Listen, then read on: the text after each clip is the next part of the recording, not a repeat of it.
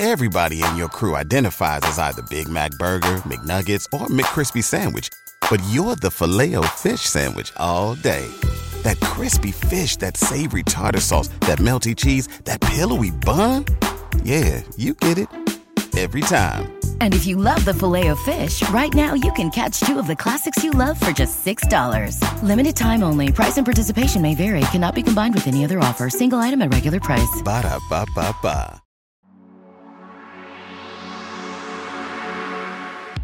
Welcome to the Broken System Podcast. I'm your host, Robert, and joining me is my insightful co host, Lexi. Together, we're here to uncover the flaws and challenges within our justice system where fairness and equality often fall short. In this podcast, we aim to delve into the complexities of our justice system and explore the experiences and perspectives of those who have been affected by its shortcomings. We'll dive deep into the stories of individuals who have faced injustice and examine the systematic issues that perpetuate the broken system. Our goal is to bring awareness to the disparities and biases that exist within our justice system and to inspire our listeners to take action. Through thought provoking discussions, interviews, and analysis, we'll explore the various aspects of the broken system and seek to understand how it can be reformed. We believe that by shining a light on these issues, we can empower our listeners to become advocates for change. We'll discuss potential solutions, highlight success stories, and provide resources for those who want to make a difference. So, whether you're a concerned citizen, a legal professional, or simply someone who wants to learn more about the flaws in our justice system, we invite you to join us on this journey. Together, let's challenge the broken system, amplify unheard voices, and work towards a more just and equitable future. Get ready to explore the depths of our justice system like never before. This is the Broken System Podcast. Welcome back to the Broken System Podcast. I'm your host, Robert, and I'm here with Lexi. How's it going today? Hey, Robert, it's going good. Today, we've got a really exciting episode in store. It's a bonus episode that goes a little bit different than our typical conversations. Recently, we've had the incredible opportunity to join forces with fellow podcasters at a December meetup in Atlanta, Georgia. And at this meetup, Jason Blair, the host of the Silver Linings Handbook podcast, facilitated a captivating discussion on a topic that's been capturing the hearts and minds of listeners everywhere the motivations behind hosting and producing true crime podcast. Absolutely, Robert. We are honored to have a stellar panel of true crime podcasters who join us for this conversation today. So, those guests include Brandon Hall from Music City 911, Nina Instead from Already Gone, Dana Pohl from True Crime PI, Jason Ursay from Santa May Be a Criminal, and of course, our very own Robert Palmer from the Broken System podcast. For those who couldn't make it to the meetup in Atlanta, fear not. We're bringing the insights, the revelations, and the engaging discussions straight to your ears. And for those who were there and want to relive the experience, this one's for you too. So, whether you're a true crime aficionado or curious about the minds behind the captivating stories, join us for a powerful panel discussion. We guarantee you'll gain a new perspective on the world of true crime podcasting. Stay tuned, folks. The Broken System podcast presents a bonus episode you won't want to miss. This is a Silver Linings Handbook podcast bonus episode. I'm Jason Blair.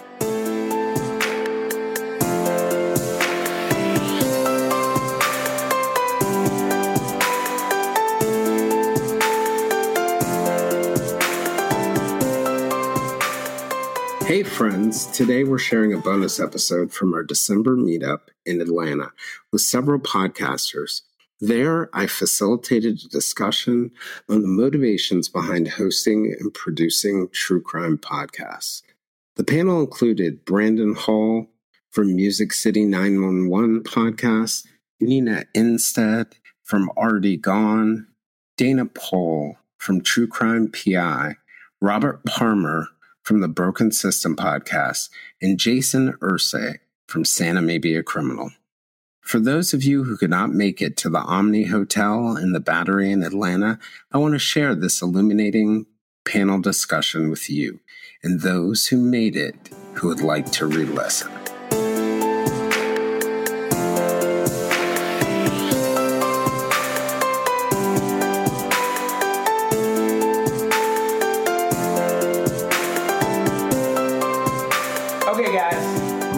To get started. I want to thank you all for coming.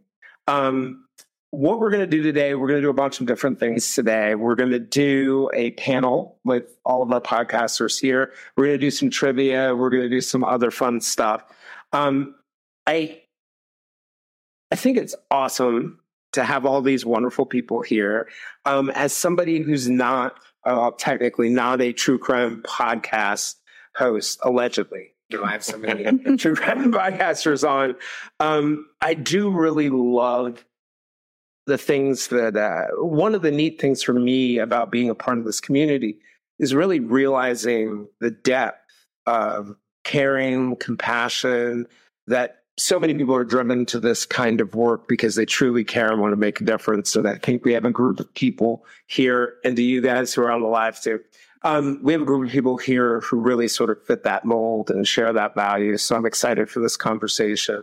Um, Brett just left, but I want to give special credit to Brett and Alice from the prosecutors because at least for Jason, Robert, and I, and then I know all you all through Jason, um, that's the community that really brought us together. And for me, at least, uh, I never imagined that I would start following true crime podcasts and all of a sudden find a community of loving, caring, passionate friends, including you guys. Um, so, you know, part of what uh, I'll do quick intros to the people who are here and then let them introduce themselves. But part of what we're going to talk about today is really being able to explore what sort of motivates them to do what they do on their podcast, the why behind what they do, and some ideas that they have um, for podcasting in the future. So I'll go in order here. We've got Brandon Hall. Um, Brandon, his podcast is Music City 911. He spent 20 plus years working as a 911 emergency dispatcher. And for me, it's fascinating the idea of being able to bring that voice and that perspective to the world because I don't think I know of a, another podcast that's uh, like that. But he really, uh, Brandon himself has been involved in things like the Nashville Christmas Day bombing in 2022, you know, floods, I think, and other, you know, your normal routine things. He's the calm voice on the other end of the line that we all want uh, to be there. So I think it's awesome that he's bringing that into the world and helping us uh, learn from that. And then I've got Dana Pohl here from True Crime PI. Um, journalism, communications. I can relate to that, and I'm glad you don't hate me. Um, I always have to worry every time I hang out with a journalist. But also um, studied library information science. And for those of you who listen to our podcast, it's obviously deeply researched and reported, so you can see those skills um, coming up there. But part of the reason why I think it stands out is definitely for the research.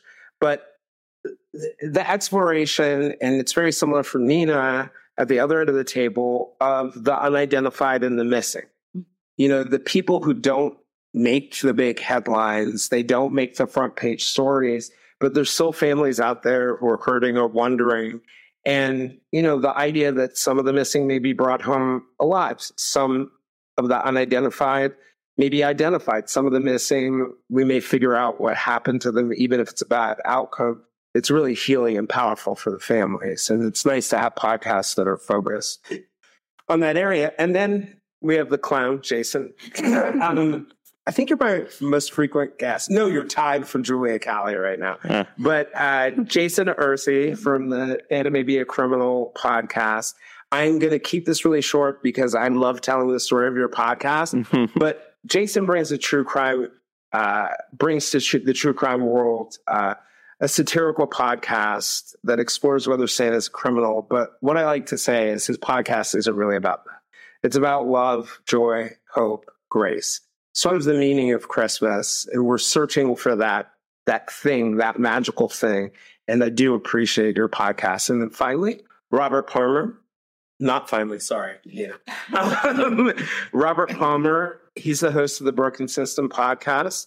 Um, you know, Robert's podcast really explores, uh, you know, in its first season, he'll tell you about it in a sec, explores a case, uh, DJ Ficky.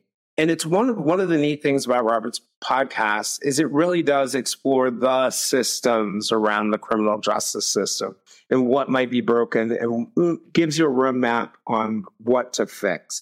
But in that first season, one of the coolest things is he explored the, eh, you know, a kind of case that might surprise you in terms of um, how it doesn't get attention. And that's a white male who ends up the victim of a, a violent crime. In this case, also drug addiction and other things played a role. But he's shining, kind of like Nina and Dana are, shining a light on an area that we sometimes don't pay a ton of attention to. And then Nina and Steph. Sorry, Nina.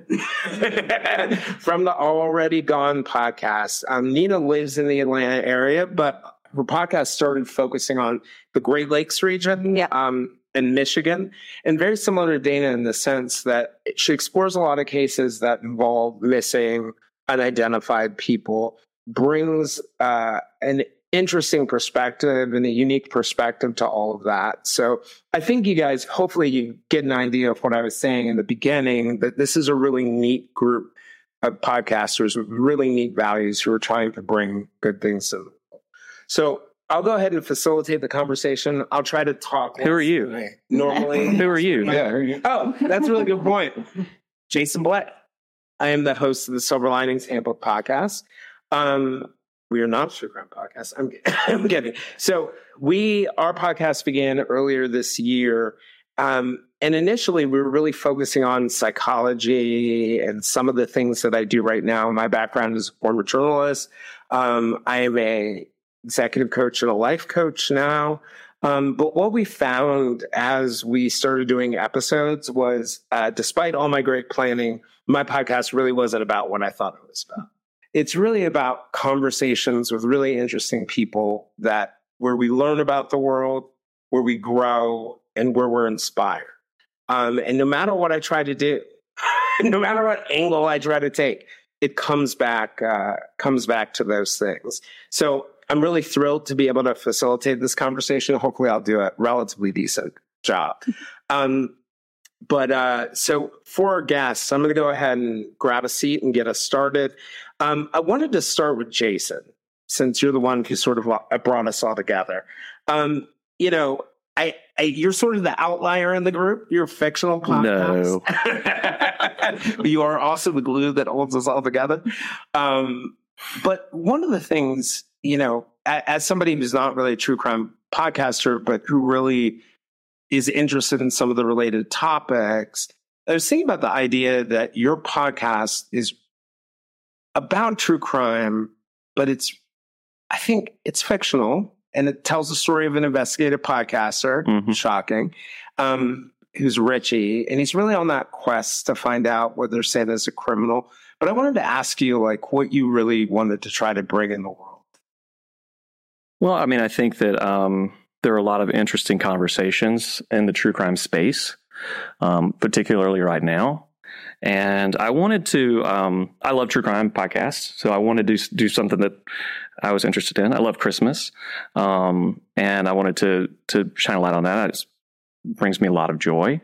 Um, but um, I wanted to, to take a different path to explore the a lot of the topics that we're talking going to be talking about today, um, but from a from a lens of um, from a naive sort of perspective.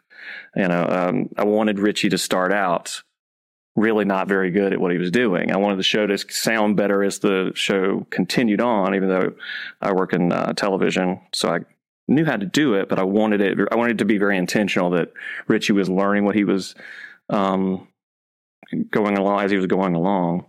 But I thought it'd be fun to um, have some of these conversations that go on in the true crime space from a place that we could laugh about because I think, I mean, it's really easy for for people to get really angry, and there's a lot of anger in the true crime space when it should be a place um, that's really accepting. It's kind of uh, interesting because one of the things that I often think about when I'm listening to podcasts is, wow, these are all the things that are like going on under the surface yes. of the true crime space that nobody really openly wants to talk yes. about. But like we're able to talk about it through Yeah. Right, right. I get away with a lot because it's satire, you know. but yeah, I mean, I, I, I just wanted to kind of take a take a run at at those conversations, and and I also wanted it to be something that people who like true crime could listen to and still feel happy after they listen to it, you know, because I know that a lot of a lot of topics you all do, like on your shows, are really difficult topics, and um, I know that takes an emotional toll on the creators. Um, that listeners sometimes want to take a break from that kind of stuff, so I sort of counter programmed it as well. Um, so yeah, that's kind sort of. I I've heard you. I don't think you describe it this way, but I think one of your listeners described it as kind of like a palate cleanser. I've heard that a lot, actually. Yeah, it's the sorbet that we can. Yes, yeah, it's which is great. I mean, I, I love I love being in that space, you know, and I have a lot of respect for everybody that does the work that, but I I personally I can't research. Hence why if trivia was uh, generated by ChatGPT today. I don't know if it's correct, if the answers are right, but that's what ChatGPT told me. But um, but yeah, no, I just I have a lot of respect for the people that put in like the hard work, the really emotionally taxing work in these these shows, um, and and all the other creators. Um, so I just wanted to do something a little different and give somebody a little bit of a, laugh here. Hopefully, people laugh about it. So. So, so that's sort of like what you're looking to your listeners to get. That yeah, absolutely, absolutely. Yeah, I was going to ask you the same thing, Nina, and just thinking about your podcast and you know, you explore, I think, a lot of tough tough topics, but at the same time, things that, you know, aren't getting covered by everyone. What were you looking to bring in the world with yours? So when I started the podcast, I really wanted to focus on cases that were in the area where I lived, like places that I knew, because that was interesting to me. And then I found myself working as a missing persons advocate, which really changed my perspective because mm-hmm. all of a sudden I, I was dealing with these families that were struggling and were in crisis. And it gave me a totally different perspective on the work. How did it, how did it change your perspective? I realized how important it was to be careful and thoughtful when creating because the families listen the, the friends listen, the communities listen. This is someone that they knew, someone that they cared about. So it's very important how you speak of the, of the missing person or of the murdered person and how they ended up that way. The tiny word talking about the background, the yes. way that you kind of yeah that's it. Yeah, it's interesting. I mean, I think of that as a uh, in some of the true crime discussions. you know, some of the creators are often you know, not necessarily talking to victims. They're going off of news reports. And I just remember as a as a journalist that once you sort of sit in the room with the person who just lost their loved one, or even the family of the person who's the suspect, it really changes your perspective on even the smallest smallest words. And I was just having a conversation. It may have been on the podcast. I don't know. It all blurs for me. but about a situation that we had where we were reporting on a story and there were really gruesome details.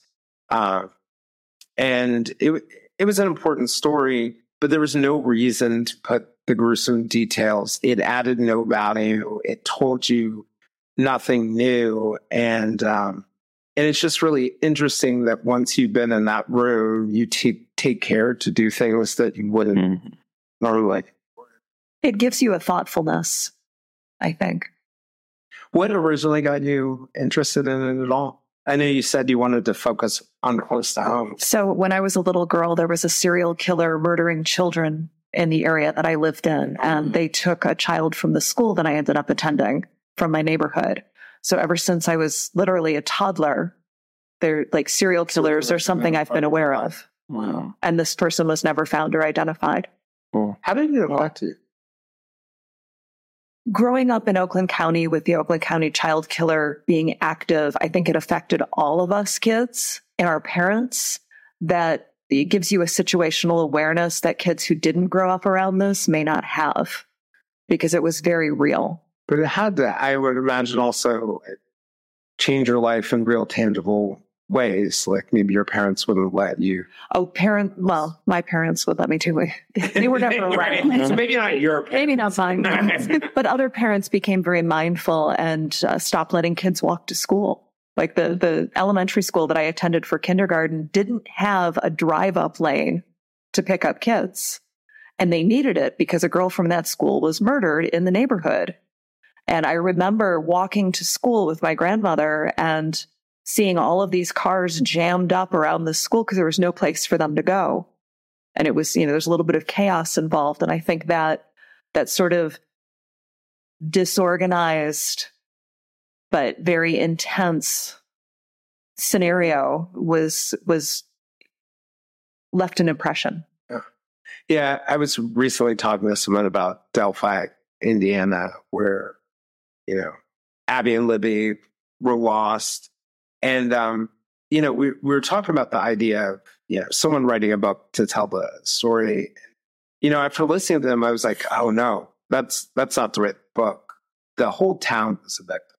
Like that yes. town is forever changed in ways that we don't read about and that we don't see. Um, and it's not just the fear, it's the media coverage, it's the other things along those lines.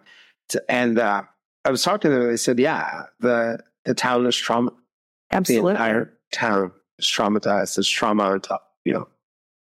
Well, thanks for um, thanks for answering that, and thanks for going there. I, I turn it to um, I'm going to mix it up and throw it to you, Brandon. Okay. What what were you looking to bring in the world with yours? You know, I just thinking about the idea that like uh, there isn't another podcast out there. Did you did you even know it would be as su- successful as it was? What were you looking? What does success count as? Yeah, well, um, when I started, it was me and another uh, dispatcher. Believe it or not, he, he, he had just retired. He had been a dispatcher for forty years. Oh and, wow! Um, at that that point, I was you know, I've been there 20, so we've been, you know, friends for literally decades. And uh, it's kind of started off as just kind of a buddy chat type thing where it was, you know, we thought we were going to have other 911 dispatchers listening and police officers, stuff like that. And that's where we thought it was going to go. But he had, um, he had retired. He wanted to fully retire. He had no idea how much work and effort went into a podcast. podcast. Yeah. So, so he wanted to just remain fully retired, and um, you know, I took it on myself, and I had random guests past that, but it it just took a little while. But really, the biggest thing was just letting people know about people like our 911 dispatchers. I mean. Mm-hmm. Growing up, everybody has an idea of what a police officer does, or what a what a firefighter does, or you know, just about any job like that. But there are so few 911 dispatchers in comparison and they're all kind of behind the scenes. They're faceless. You don't know what actually happens other than the rare case of, you know, an 911 call getting released to a, a news outlet or something like that. It's, it, which is still pretty rare. I wanted to, to bring that out to the forefront and um, doing that is showing what sort of things we actually go through as dispatchers. Um, there for the longest time, we were just considered secretaries. And I think still in some states it's considered that we're we're in Tennessee. Luckily, we're now considered first responders. Um, but you know, it was the same classification as a uh, school secretary, for instance. You know that we had the same type of nationwide classification. So that's one of the things. Sorry, that might have been mine. um, so yeah, I just wanted to bring it out and show what was going on. Um, kind of behind the scenes, telling what we look for, and also I try to be, you know, that's one of the things with true crime. It is entertainment for a lot of people, and uh, I can understand that. But I wanted to do that as well as be educational with it, so let people learn about it.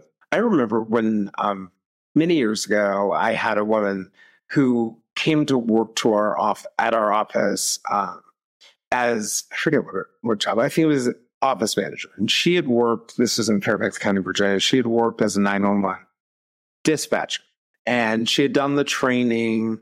And in DC, you have to get certain clearances because you're involved in, you know, so it's a real investment mm-hmm. in addition to the regular training. But after about six months, she stopped. And I asked her, well, yeah, we're hiring in six months. And why did you, why did you stop? And she said, it's too much. You're involved in everything that goes wrong mm-hmm. in the world. And um, I think for me, that was the first time I really thought about that kind of job. Even though I was a journalist and I covered crime, it's the first time I really thought about that job as being a front line responder, as dumb as that is, right? Like it's dumb for me to miss that one, at least in my mind. Uh, but you're, it's the one place that's involved in everything that goes. Yeah, and it's uh, a lot of people don't realize too that amount of calls that are taken in. Like a police officer may go on two, three calls per day, and a 911 dispatcher may get anywhere from 100, 150, 200 calls they're helping out with every single day. So it's um, there's a lot of things just people don't know about it, and that's what try to bring to light to people. Very cool. Well, glad it's here. I know it's popular. I know everybody loves it, and uh, I'm glad, Jason, that you introduced us. Mm-hmm. um, so I guess Robert, I'll throw it to you, and then we can wrap with Dana. Um, what were you looking to do when you started your podcast? I know you were on my podcast, and then one of the questions I asked you was, um, you know, did you come up with a podcast, the idea of doing a podcast first, or the story first? And you really were inspired by listening to another podcast and the way that they handled the story and said, I want to do it the opposite. Absolutely.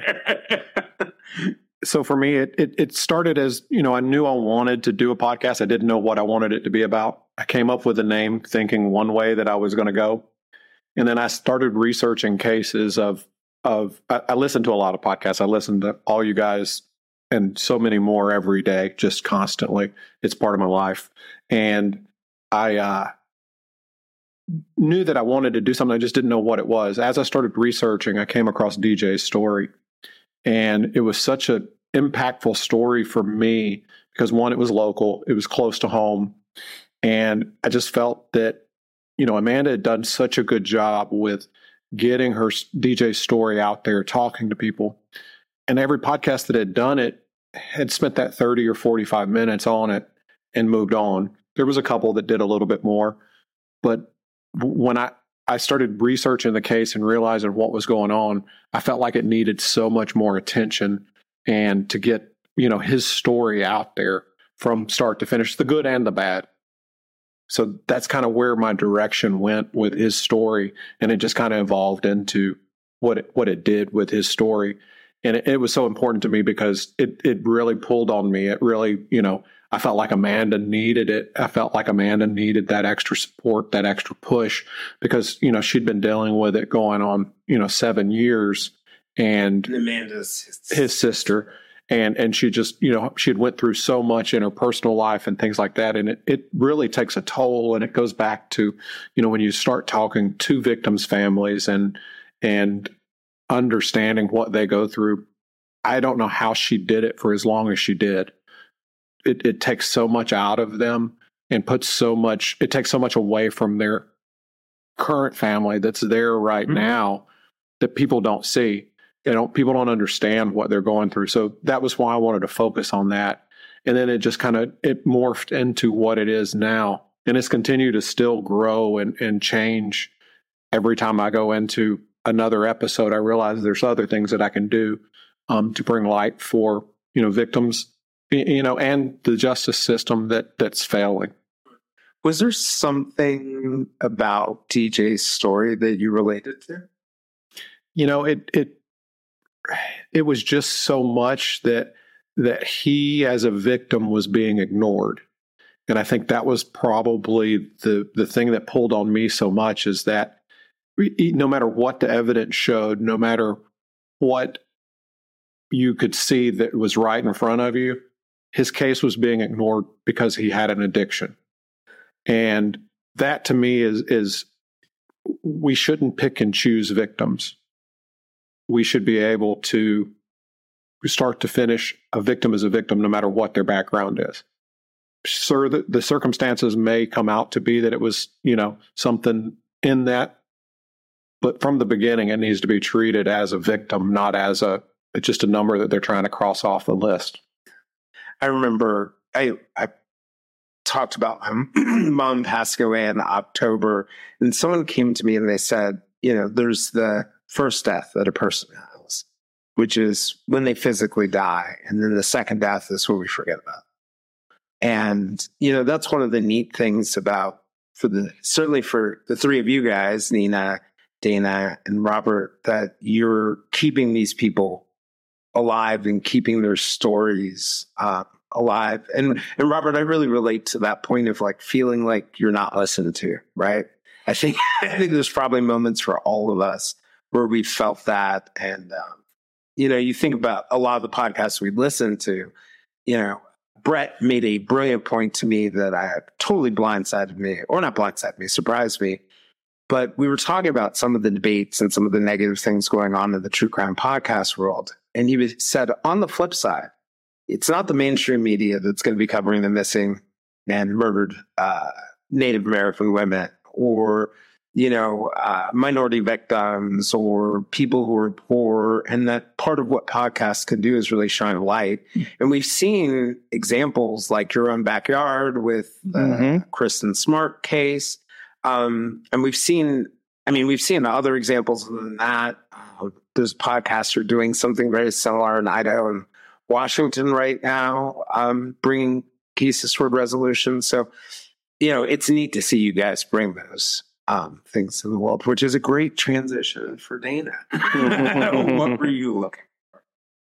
So I had been researching the missing and unidentified since 2005. Um, as soon as NamUs came online, um, that's the national national persons. Yes, and um, I found the Doe Network. I became, you know, just totally invested in making comparisons between missing people and unidentified people. What was it that originally got you to even think of that? Like, so I, I mean, I think it is, uh, it literally, I think goes back to being a child during the milk carton mm-hmm. missing mm-hmm. children's campaigns. I mean, every morning I would sit with my cereal 80s. Yeah. Uh, yeah. I remember. Well, in the 70s too. 70s.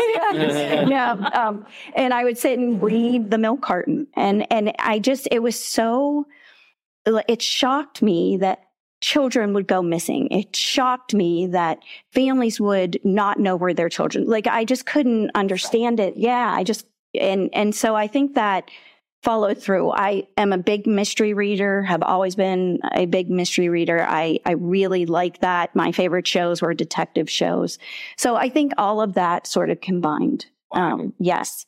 In 1996, I had my son. That was the year that JonBenét uh, case uh, became, yeah. And so I was now a new mom and I was just overwhelmed by that. And so I think that's really where it just all came together and I started doing the research. And so did that for many years. Um, and, you know, was able to submit some cases, you know, some, some near matches or some potential matches that could be looked at. So it was a lot of work a lot of nope, sorry, that isn't a match. um, mm-hmm. But also, it was very gratifying to reach out to law enforcement and say, just want you to remember this case is happening and this person could be a potential match. Would you mind looking into it? So that happened. And, and then in 2018, I moved to Georgia. I started looking at Georgia cases and I found Cobb County Jane Doe, as I call her. Um, she was a she was missing 36 years at the time, and she, I'm sorry, she was unidentified. So this case is, she was discovered in 1984 and she was unidentified for 36 years. I think I remember this case because I lived in Marietta. Yes. 80s. Yes. This is a really, wasn't there some news on this case? Yes. Mm-hmm. So, um, so I said, you know what? I'm going to do a blog post. And just as I was getting ready to do this blog post, the Samuel Little sketches hit the airwaves. Mm-hmm. And I started looking at them and there were Atlanta cases. And I said, oh my goodness, like this he red. The, like prolific serial killer. Yes. Yes, 90, he claims 90, at least 99 victims. Um, and he traveled all throughout the United States. Georgia was, de- he was born in Georgia and he returned to Georgia several times. So I started looking and I found a redheaded woman who could potentially, the sketch could potentially match the Doe. And so I just put out a blog post and then I said, you know, that's not enough. You know, I, I need to do more. And so I started the podcast to cover that case. Okay. And so that that was um, enlightening. I thought it was going to be one episode, and then I was going to have to figure out what I was going to do next. And I thought too. yeah, I know, I know. and it ended up being a seven part series because I was able to connect with a retired homicide and cold case detective who had looked at her case many times And he was willing to talk to me and he actually made the strong connection. He said, I said, you know, I was kind of afraid to ask because I was like, I'm going to sound silly whenever I ask him, could this be a, could she be a victim of Samuel Little? He's going to think I'm crazy. And I asked and he said, the most potential suspect in this case is Samuel Little. And so through his research, he had come to that conclusion, tried to get the Texas Rangers to get an answer from, from Samuel Little and, um, were unable to get it, it confirmed. And so that's really what started my kind of passion for these cases and bringing does to, to light, um, sharing their stories and providing, you know, background. So somebody might be able to say, Hey, I remember a woman from ni- that disappeared in 1984, or I never saw her again. Um, so yeah, that, that was, that's what does it. I, that whole story makes me wonder about something also, something you said, uh, uh, Brandon, about, um, podcasting or true crime also being about entertainment. I was on um, a podcast recently. I was interviewed a woman named uh, journalist named Rosemary Armao who has a podcast called On the Brink. And at the in the middle of one question, she asked me, "Why did you decide to go back into journalism again?" And I I was like caught off guard. I was like, I have not decided to take back to. She was like, "You sit, you interview people, you're a journalist." And I'm like, um, because I think of myself more from like the advocacy side, or I would have never gone back to the journalism side, but we'll leave that one unresolved. Um, but I, I, it makes me wonder in thinking about what you're saying, Dana, and what you guys are saying. What do you consider yourselves?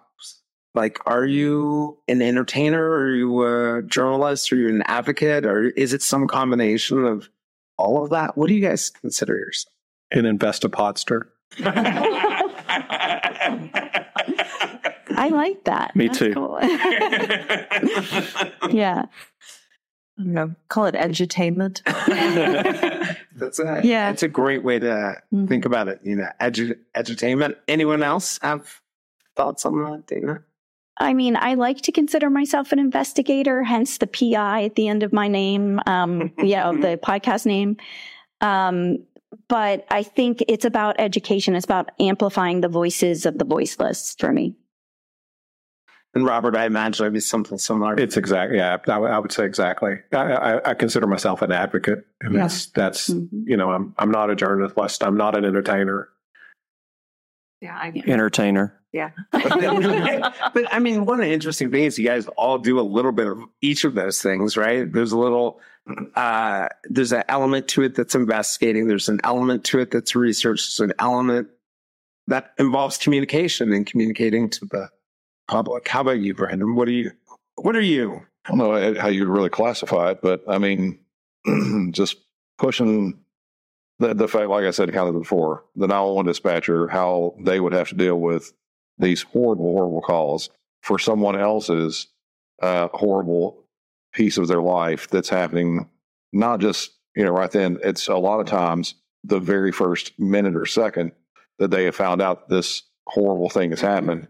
And you're right there. I, one of the things I've kind of mentioned on the show before is that, you know, if you have a domestic violence situation, a lot of times when they call you on the phone, it is going on right then. It's really, really bad. You can hear screaming and things being thrown around. And then in the course of time that a police officer can go out there, they've completely changed their, It's completely the way, yeah, it's completely different dynamic. So you're really hearing the nitty gritty of everything that's going on right then and there as soon as it's happening. sort of like an intense, unique moment in their lives that they. I'm I'm guessing they probably couldn't even explain it afterwards. Yeah, exactly. Most people don't, uh, you know, if they try to recall their 911 call, they don't really remember too much about that.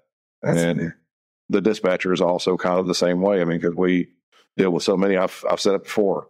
I can remember, remember some of the calls that I took when I was a first month dispatcher. I can't remember some of the calls I took last week. Right. Mm. Right. That they were that impressionable. Yeah. I never really thought of 911. You're at a unique, intense moment in people's lives that, you know, maybe the scariest, most frightening, most dangerous moment. And you're there for those. That's it's interesting. Interesting when you think of it. And then last but not least, Jason, Oh gosh. oh no. Outside of you know, it's funny because you know you and I will do battle over this. You can call yourself an entertainer. I call you the spreader of love. Um, but go ahead. How do you see yourself?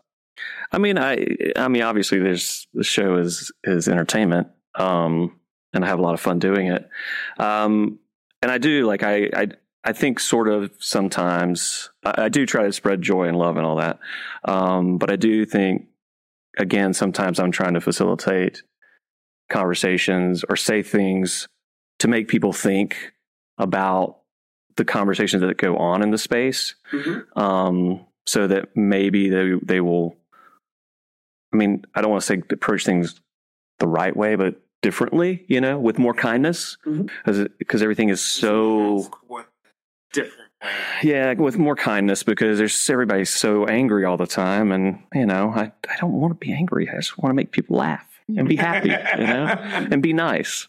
So, um, yeah, I mean, it's just uh, kind of taking a, a, a fun well, look in the mirror. Things, you can look at things the exact same way. Like a bad event happens. Mm-hmm and you can look at it as something ugly or something to be angry about, or mm-hmm.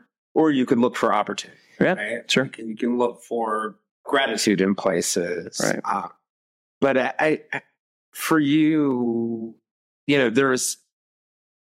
I'm going to slap myself bringing this up, but there's the whole ethics in true crime mm-hmm. debate, and you, you guys. Well, you may not know, but Jason knows I've stuck my head Oh, just stuck my head into it. Oh, yeah. Um, and I'm I'm just curious from your perspectives, what what does it mean to be an ethical podcaster? Period. Uh, for me, it's it's kind of difficult sometimes because um, I'm trying to portray what a 911 dispatcher would would be experiencing while they're taking this call at the same time that I'm playing a call because I play real 911 calls on the show. Um, this really kind of concentrated, immense, like um, really hardcore portion of this person's life, um, and it's it's kind of difficult to to do this sometimes. I mean, it, I'm a lot of times at odds saying, "Should I play this on the show?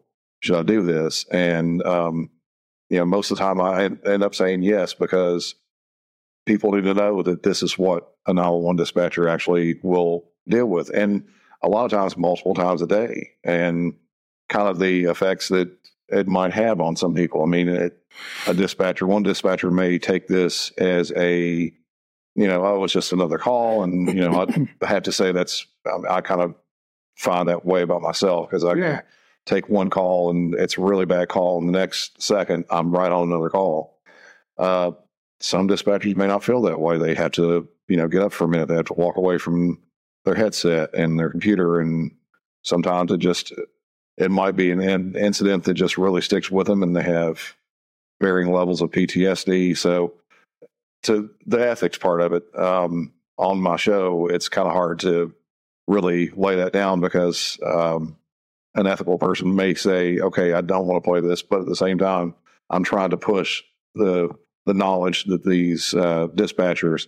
I mean, it's rarely I'm, am I on the show like with my calls, but uh, that these dispatchers have to deal with. So that's being that that's my forefront, showing the dispatcher and what they're doing.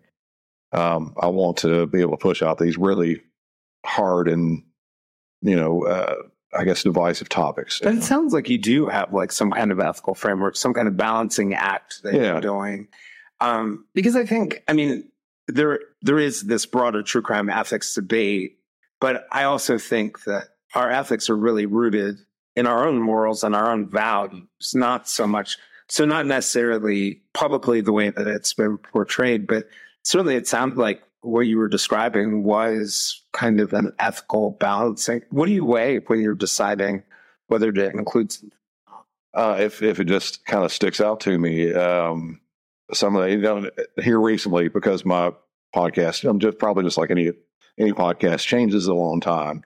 Um, I don't really do the extreme deep dives that some other shows do, and in fact, uh, like this past uh, episode I did, I had three separate incidents on it in the course of about uh, 30, 35 minutes. So it's enough to where you can get a, an outline of what happened. It's mostly again with the almost probably like the feel of being there, Yeah. getting that many. and, and plus the the fact too that uh, a lot of people don't know this. Most dispatchers don't know what happened after they get off the phone call. they never find out. They, yeah. So I, I try to bring a little bit of that as well. Um, there's been calls that I've taken, and then a couple days later, I'll see a news, you know, article about it. I'm like, oh, so that's what happened. And I, So a lot of it ends up just unresolved because some of No, it's, uh, it's not going to make it in the news. well, yeah, it's uh, most people don't know that um, most of the crime that happened does not end up in the news. So, like you see that a shooting happened at, uh, you know, a Kroger or something like that. um, that you might see that, but um, you don't know that there's been probably 20 or 30 other shootings that happened that were unreported to the news. right, right. Is it hard to not know? It's not really, not anymore. I, I kind of found a place that, you know, uh, for instance, uh, probably about a month or month or two ago, I, I was right at the end of my shift, and the last call that I got was a guy that says, um, "My brother's inside, and he is um, he has a sword to his chest. He's threatening to kill himself." And I stayed on the phone with him for about it's probably four or five minutes while the police were on the way there, and he says, "Oh, the, police are here now." And I was like, "Okay, I'll go ahead and let you go." I got up and left. No idea what happened. So, I mean, it's you just kind of get used to it after a while. You know that you're there's a big puzzle that happens with police, fire, medics, uh, district attorneys, prosecutors, whatever like that. Um, you have a role in it, and that's your role. Once you're finished with it, there's nothing more for you to do.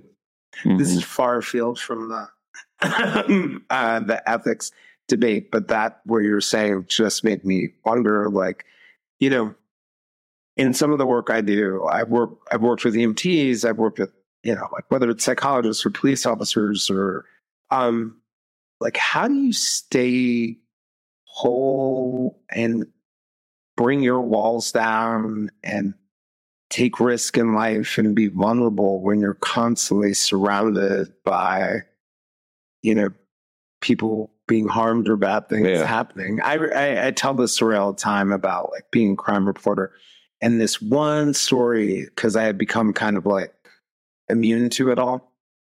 And this one story of this little girl who was walking by a school building and a brick fell off the side of the building, hit her in the head. She died. Just and the randomness of death, for some reason, that stuck in my head. But I realized over time, I stopped feeling the bad things, which then made it really hard to find joy or take risks or be bummed. And I guess this is a decent question for all of you guys because you're immersing yourself in these kinds of things. But start with you, Brad. Uh, I mean, I look around and everybody's a suspect. I mean, that, I mean, I to, like be kind of comedic like that, but I mean, I, it it does make you think about things differently in the world. I mean, the you you know, my, I I would love to be one of the people that are completely oblivious to what happens really in the world every day. Um, you know, people can walk through a downtown area and and have the blind sense of knowledge that they are completely and totally safe and nothing's ever going to happen to them. And you know, I, I'll walk down the same place they do when I'm looking around for people with a weapon or some sort of bad thing that's happening, just anything like that. And it's, um, I think most dispatchers, police officers, they all have that kind of, even without really thinking about it, like it's it's there in their mind somewhere. And, uh, you know, I don't think we think often about people, whether they're first responders or others, or like even you guys as podcasters, that you're paying an emotional price for the rest of us to do what you're doing. Dana? That question or okay. Um so I switch questions when I find that out. yeah. So can you repeat it? yeah, absolutely. We're talking about just sort of that idea of how do you manage the emotional toll of what you're doing while at the same times uh, same time staying whole because there's so many negative things that we're involved in.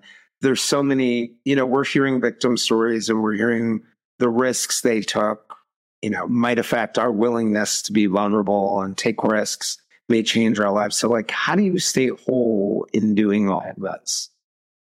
So I really feel that reading about these cases, um, learning about these cases, I'm driven to learn about them because I care about the people. And so it's a way for me to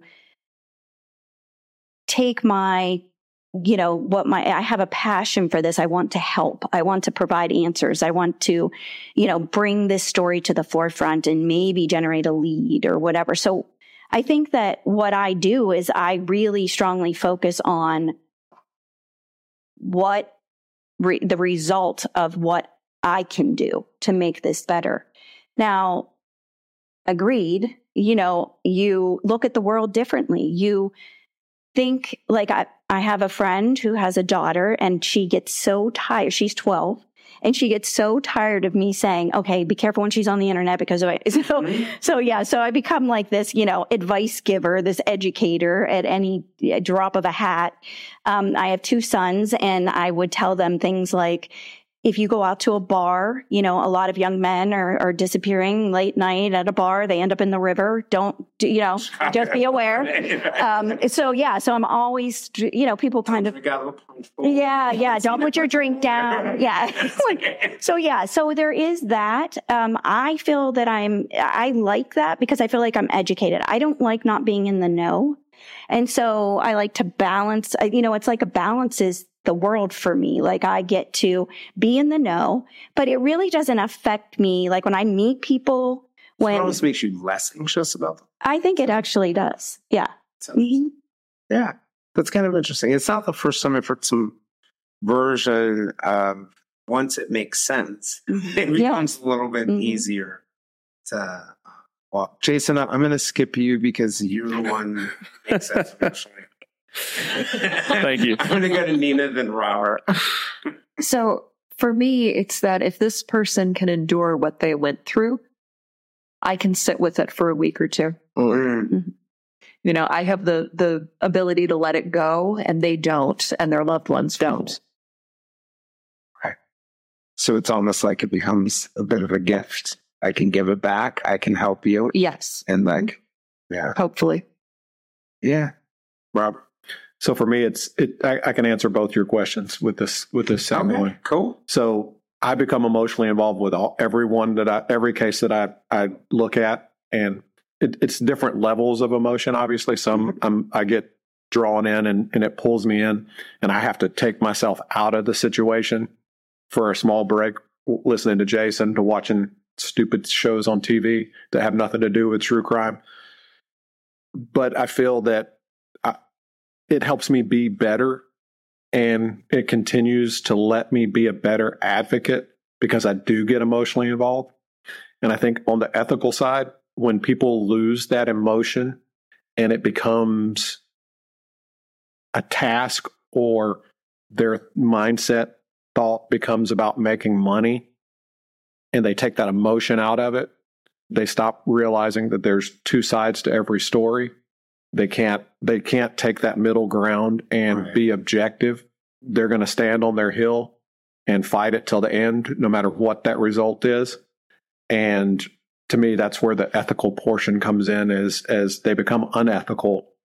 And not saying that everybody that does that is unethical, but their actions show to be more unethical than than normal. Yeah, than yeah. what they should be for what they're for what we're doing. Bring less good. Yeah, I um telling someone recently that I don't like to be in the public spotlight. I I've done enough of that. But, um, you know, the Delphi case really gets under my skin as somebody who's a former journalist and, you know, thinking about on one hand, like mainstream media has been okay on the story, but we live in a whole new paradigm with like YouTube creators and other things along those lines. So this is a topic I've sort of stuck my head out on and gotten a couple whacks at it. Accusations of very interesting things. But um, you know, I was just on the Murder Sheet podcast with Kevin Greenlee and Áine Cain, and we were we were sort of talking about the idea that there are a lot of overwrought debates about ethics, but there's some putting things out there that we collectively, let's say, as the broader true crime community, did I just say we? Um, as I'm trying myself out, but I keep finding myself back in.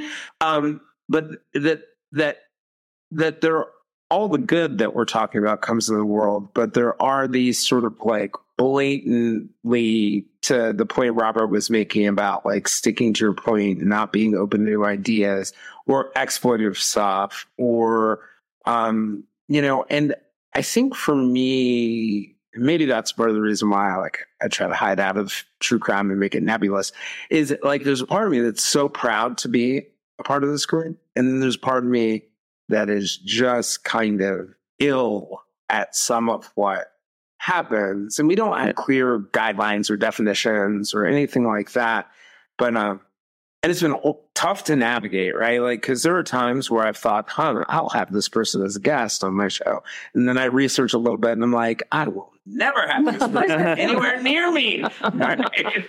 um, so, uh, it, it, it, spinning it into a positive, right? Like, what are some of the things that we as creators can do to either improve the work we do or the community, the broader true crime community that we have? And Jason, I'll give you that one as a start. Oh man. Tell jokes. I don't know. um, I don't know. I mean, it's it's this is a difficult question because I try to um, I've stuck my head in a couple times too, you know, and I've gotten some whacks at it. Um, but I think for me, the, the, the thing that bothers me the most in this conversation is all this big conversation is when the victims are forgotten and when the focus, Robert said it perfectly a couple minutes ago. Um, I mean, I also the Delphi thing to me, I get really upset and emotional about that because, um, I mean, it's just tragic, you know, and that's obviously one of the hornet's nests in this space right now. There's a lot of really, really ugly things happening. Um, so, I mean, I don't know. I don't know what the answer is. Why'd you, why'd you ask me? I got dressed like Santa Claus. it's kindness clause. Um, why did I ask you? Well, I mean, I think part of well, first of all, let's start with the fact that you know everyone. I think a lot of people. You get along with everyone. you, know, you know, whether you really like them or not, I don't know. But you get along with everyone. But I, but I also think like you do care about those things, like helping people, staying yeah. victim centric, um, and you're able to bridge the gap. And now I'm actually being serious and find common ground with a lot of people who are very different than. Yeah. So that's kind of why I thought. Well, you know, I think just it, it goes back to what I said earlier is that I just my my default mode is to be kind, and I think that's why um, I have so many people that I get along with, and you know, I think um, I, I genuinely do want to help. Um, I want to help everybody, really. Um, that's why I'm so glad that my podcast has been so well received because it seems to be helping people. Like I can't tell you how many people have reached out to me and said, I used to hate decorating for Christmas, and now I love it because I listen to your show when I do it. Um, or I ride around and look at Christmas lights. Recently, said something like they had lost a loved one, and then yeah, last Christmas they came across your show, or it, it had happened several years back, and they were dreading Christmas, but it brought their Christmas. Well, see, that's that. I mean, for me, that's that gets me jazzed up. But um, the yeah, I just I just always try to operate from from that from kindness and also with the understanding that I don't know what's going on in the other person's life. I don't know what they're dealing with. I don't know because um, we're all fighting our own battles. You know, we're all you know a little bit broken. Um, but you know, I think through conversation, which is what I love about your show so much is that you are able to develop um, real relationships. I mean, when we first did, when I first did your show the first time, we had just chatted like that Saturday. I just wanted to get to know you. And we just chatted, and then you had a guest drop out, and you're like, "Hey, can you come on the show tomorrow?" And I was like, uh, uh, "Sure, I guess." and then three hours later, we're done recording, you know? Um, and then we talked for another hour after that. So um, I think conversations are really important. I think a lot of people are scared to have conversations because they are so dug in on their own bias or their own point um, because their ego can't handle being wrong. But the only way to get to the truth is to sometimes be wrong. It's okay to be wrong. You know, it's okay to fail. Um, I know. So am I. 93. Um, but like, I just think that like, if we all kind of just step back a little bit, um, take the ego out, really try to start it with the victim or the case or whatever the thing is that we're trying to get the answer to, start there and then like have the like understanding that we're all trying to get to the same spot and do it in as civil and um, um, I don't want to say ethical now, um, but in the most civil way. Um, and I just think that that this would be a lot easier space to deal with. On the other hand, I mean, it is these are emotionally charged cases. It's very it's really easy to sit here and say like, hey, we got to be really nice and we got to keep it you know civil and not get too emotional. Um, but like and, and but, Elon, Elon Musk said something very interesting yesterday. Or was it the I don't know. He, day before. yeah, day before. Yes, when he was on the stage. But he made this comment like wanting to be liked is a weakness. Yeah. Because it provides opportunity. I was like, wow, this dude doesn't he doesn't get it. Huh. That like you don't have to be want to be liked to be liked. You right. just have to be nice. Yeah. That's true. That's and true. I think of so many of the creators within your space who I adamantly disagree with. Even Brent Alice mm-hmm. on their Murdoch thing, I was like, yeah. Um, and there are other things I really, I think on the Jameson's episodes they just had, totally disagree with them.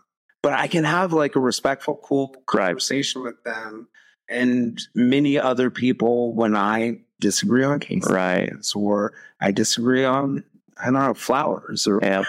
whatever it is.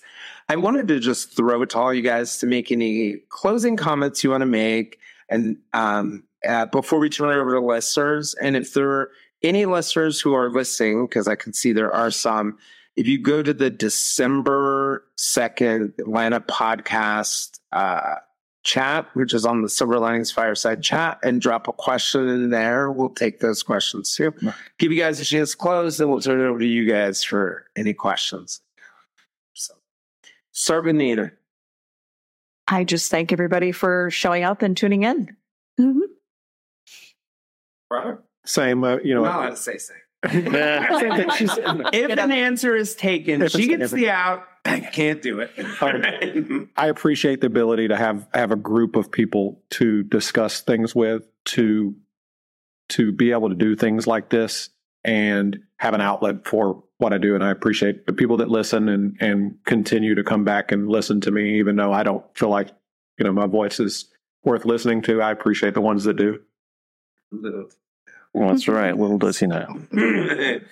I mean, I think one, everyone's voice is worth listening to, but I definitely think like I'll skip ahead to mine. I appreciate being surrounded by so many people who have such good values and do good things, including you, you Robert. But uh, Jason, we are we already sorted it. Yeah, it's no, no. I just I, again, I, I appreciate um, the chance to get together with some awesome podcasters that let me dress like this around them, and they're not embarrassed to be around me. Um, and um, you know, I just I'm, I'm thankful for everybody that's tuned into the show. I'm thankful for the opportunities I've had to be on, excuse me, a guest on other shows. And um, Merry Christmas. Dana? So I just like to say ditto what everyone has said. Um, I really enjoy having these conversations. I am a big believer in collaboration over competition. And I think that that is part of the problem that we have today in true crime world. Yeah, exactly. So, um, yeah, so I just want to say thank you um, to everyone who has listened to my podcast. I'm hoping I took a break.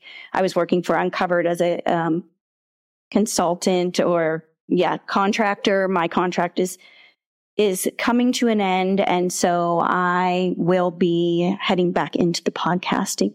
Forward being out there promoting you. That's right. So Great. Uh, really, I, I just love doing anything like this where I'm around so many other podcasters that, you know, before I, I did CrimeCon the first time, I knew very few other podcasters other than just chatting online, but like actually getting together with people um, that are in the same kind of space. It's really amazing because you, I mean, yes, you all have shows and stuff like that, and it's uh, all, everybody has like a varying level of success and stuff like that. But when you just you're all together and you're just chatting about everything that you're doing. It's like so so much amazing stuff. You know, I mean, mm-hmm. like bringing you know light to uh, you know, a person that otherwise probably wouldn't have it. You know, that's uh, that's something that like my show doesn't get into that. I, I really appreciate a lot of what you guys are doing because I mean, yes, my mind is focused. It's you know, it's really kind of its own thing. But like I, I hear stuff like this and I get inspired. I'm like, I, I want to do stuff like that. So awesome. it's really good. Well, you know, you can always have a second podcast, Brandon. Well, Trust me, Jason will start one with um, so I'm going to go ahead and thank you guys. I really appreciate it. We're going to take some questions from these folks. I'm going to go ahead and start with one from uh, the chat. Um, and this is from Sophie, who some of you guys know she's asking, she says, one thing I often think about is how each of these podcast hosts are storytellers and they each do it in a different, unique way. And I wonder how, in doing these podcasts, um, much of their own lives, how much of their own lives have been altered by choosing to do a podcast and by the people and subjects they discuss. I can simply say every interview I do changes me. Yeah, absolute. Like I have lots of things that happen, but I probably not had a year of growth like the year of growth I had during this podcast. It's not even possible. So Nina, back to you.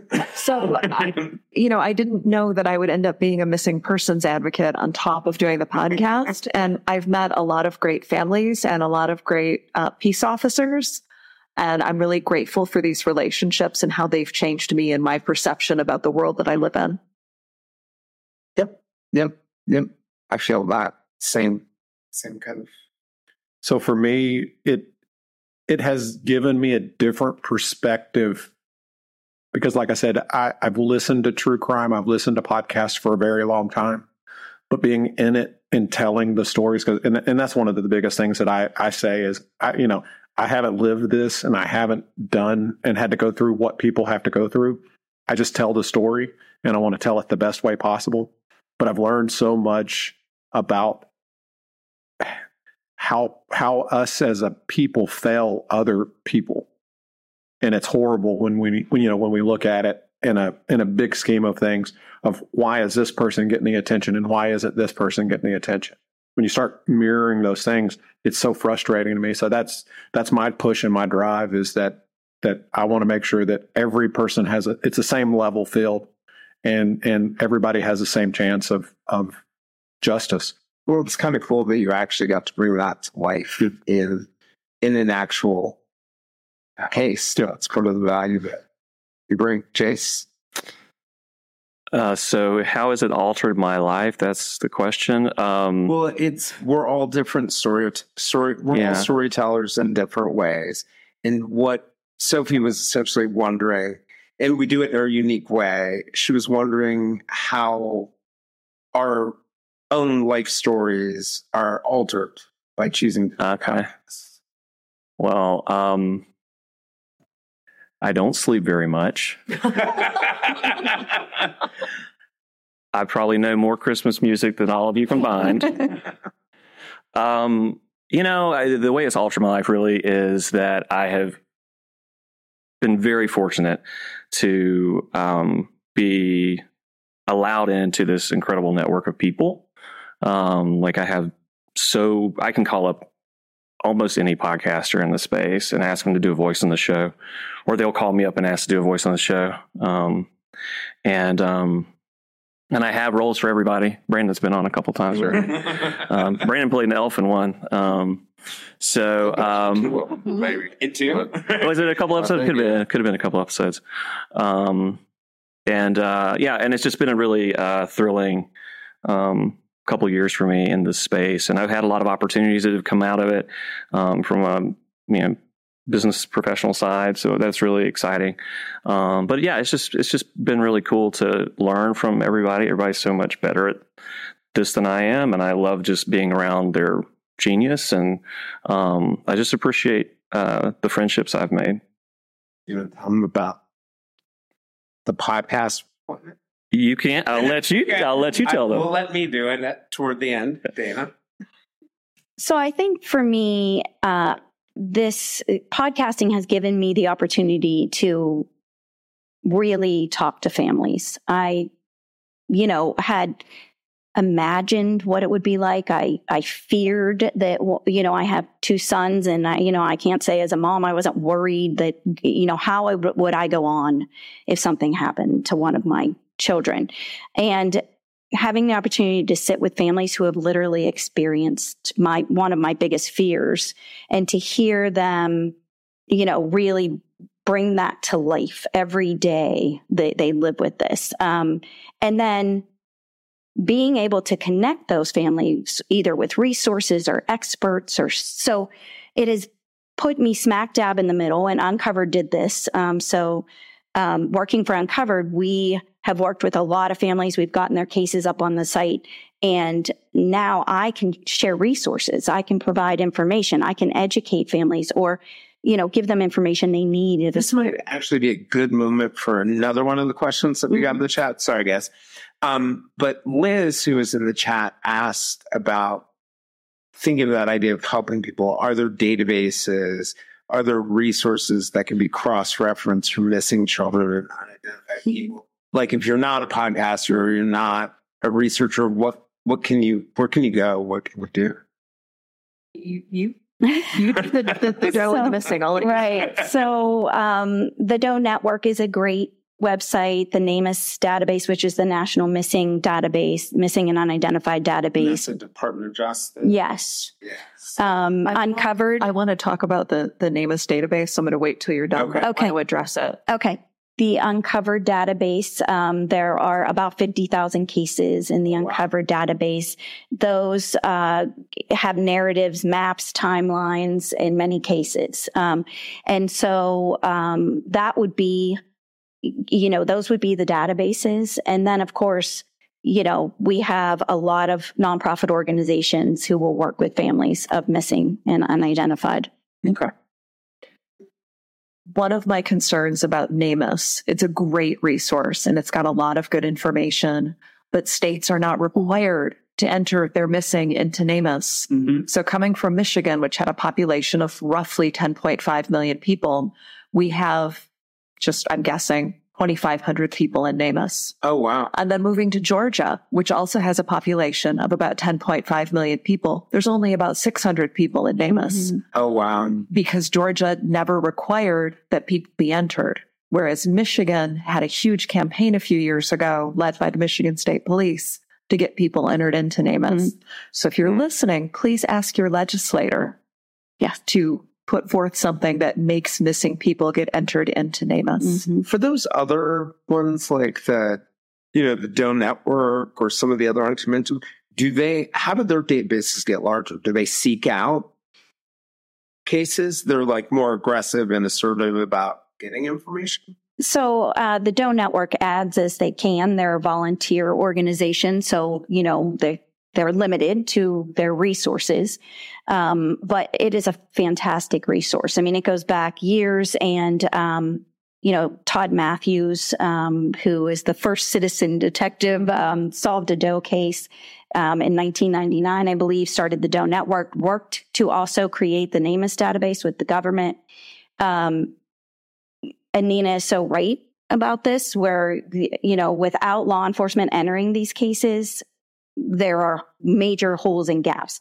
Tennessee, because Todd actually lives in the state of Tennessee, Tennessee has a really like they're required. Yeah. So they're one of the required states. But that you know, there's 13 states, I think, um, in the United States required to add cases. So, mm. so those things get added by concerned like I, yes, Yeah. Exactly.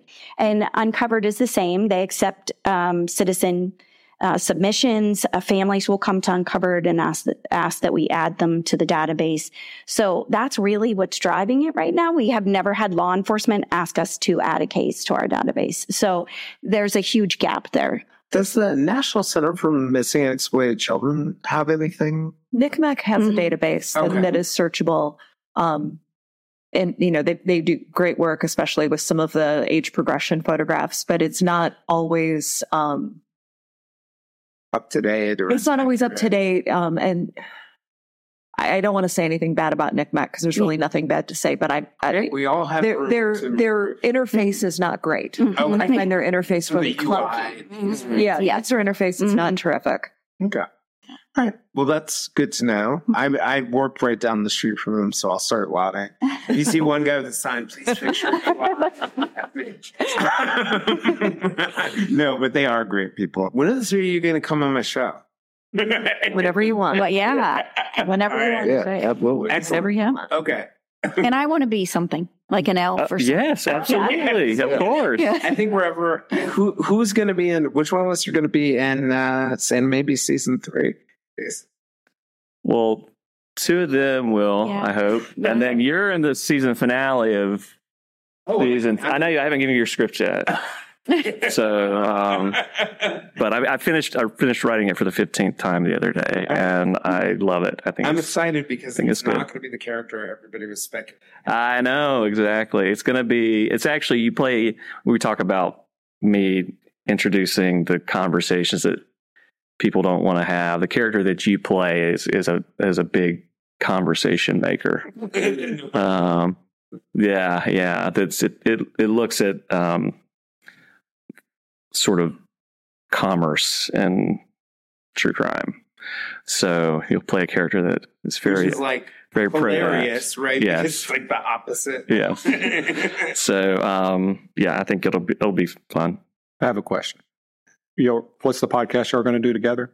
Oh yeah, that's right. Yeah. So our concept um, is essentially a podcast that really focuses on telling the stories of people who have been able to bring some good out of tragedies in their lives. So thinking of people who are like victims of crime, family members, law enforcement, even convicted criminals who have been released and done something good, but being able to look at these very difficult events, kind of like you guys were talking about at the end, a lot of the stories in true crime end with a sad part. So Mhm. picking up the ball on the stories that Yeah. if it were not for that bad thing, something good wouldn't come into the world. And so I we sort of we we thought of people like Stacy Chapin and Ethan Chapin's mom in the University of Idaho. Um, and Ethan Smile Charity and the students who are now going to school Mhm. because of that. We've and they're also partnering with a group that um, is working on missing and murder Native American women, or somebody like Bruce Maitland, who, when his daughter Brianna went missing, part of his work afterwards uh, led to um, I'm going to get the name wrong. It's the investigators Private investigators for the missing. investigations for the missing. Or even someone, even though I know she's somewhat controversial, Amanda Knox, right? She went through that terrible situation where she was wrongfully convicted in Italy and has come back and become an advocate around all sorts of different things. So sort of exploring and telling those stories is where we're sometime Yeah. in 2024. I love that idea Yeah, it's great because there are so many families who have bounced back in that, and you know, have pushed forward. I think, Yeah. and it's been healing to them to create a foundation or to enact a you know law, a new law or something like that. So you will, it, it will be. I, I will be listening for sure. for sure. Pressure's on now. Yeah. I know, I know. Now you said it out I loud. You have do know. it. Should have cut that out of the uh, fi- finished uh, episode. I, for the record, I didn't tell him I would be springing this one on. I know. That no took me pressure. surprise. No pressure. You're right. pressure at all. Anything else, guys? Thank All you. right. Thank you. Yeah, thank you. Great job. Absolutely. Thank you. Thank you. Mhm. Always love. Um, Awesome. I really appreciate having you guys here. Um, going back to what I was saying in the beginning, it's so I, shocking to me that I would find my people in either podcasting or in the true crime community. But I really do love your values. I appreciate you. I feel the same way Carly does when she was saying, like, I've met wonderful friends here, um, friends who have been supportive and kind and, and loving and compassionate. And, you know, anything I can do to help you guys bring more good in the world, just let me know. Awesome. It's a wrap. Very good. I'm stopping recording. I'm Jason Blair, and this is the Silver Linings Handbook Podcast. We'll see you all again in a few days.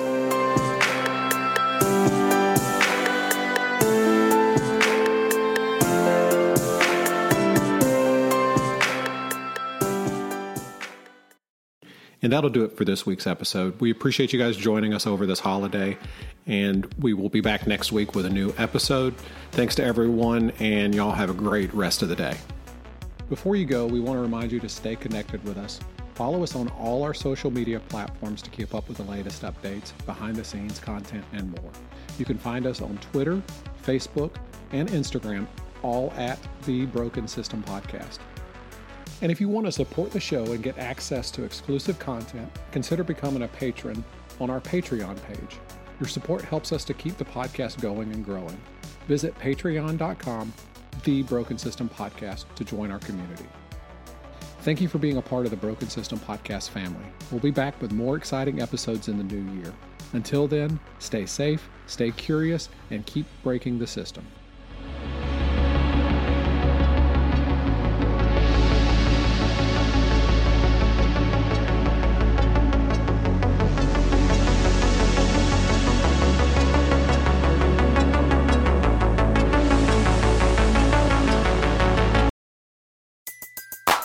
Everybody in your crew identifies as either Big Mac Burger, McNuggets, or McCrispy Sandwich. But you're the filet fish Sandwich all day. That crispy fish, that savory tartar sauce, that melty cheese, that pillowy bun. Yeah, you get it. Every time. And if you love the Filet-O-Fish, right now you can catch two of the classics you love for just $6. Limited time only. Price and participation may vary. Cannot be combined with any other offer. Single item at regular price. Ba da ba ba ba.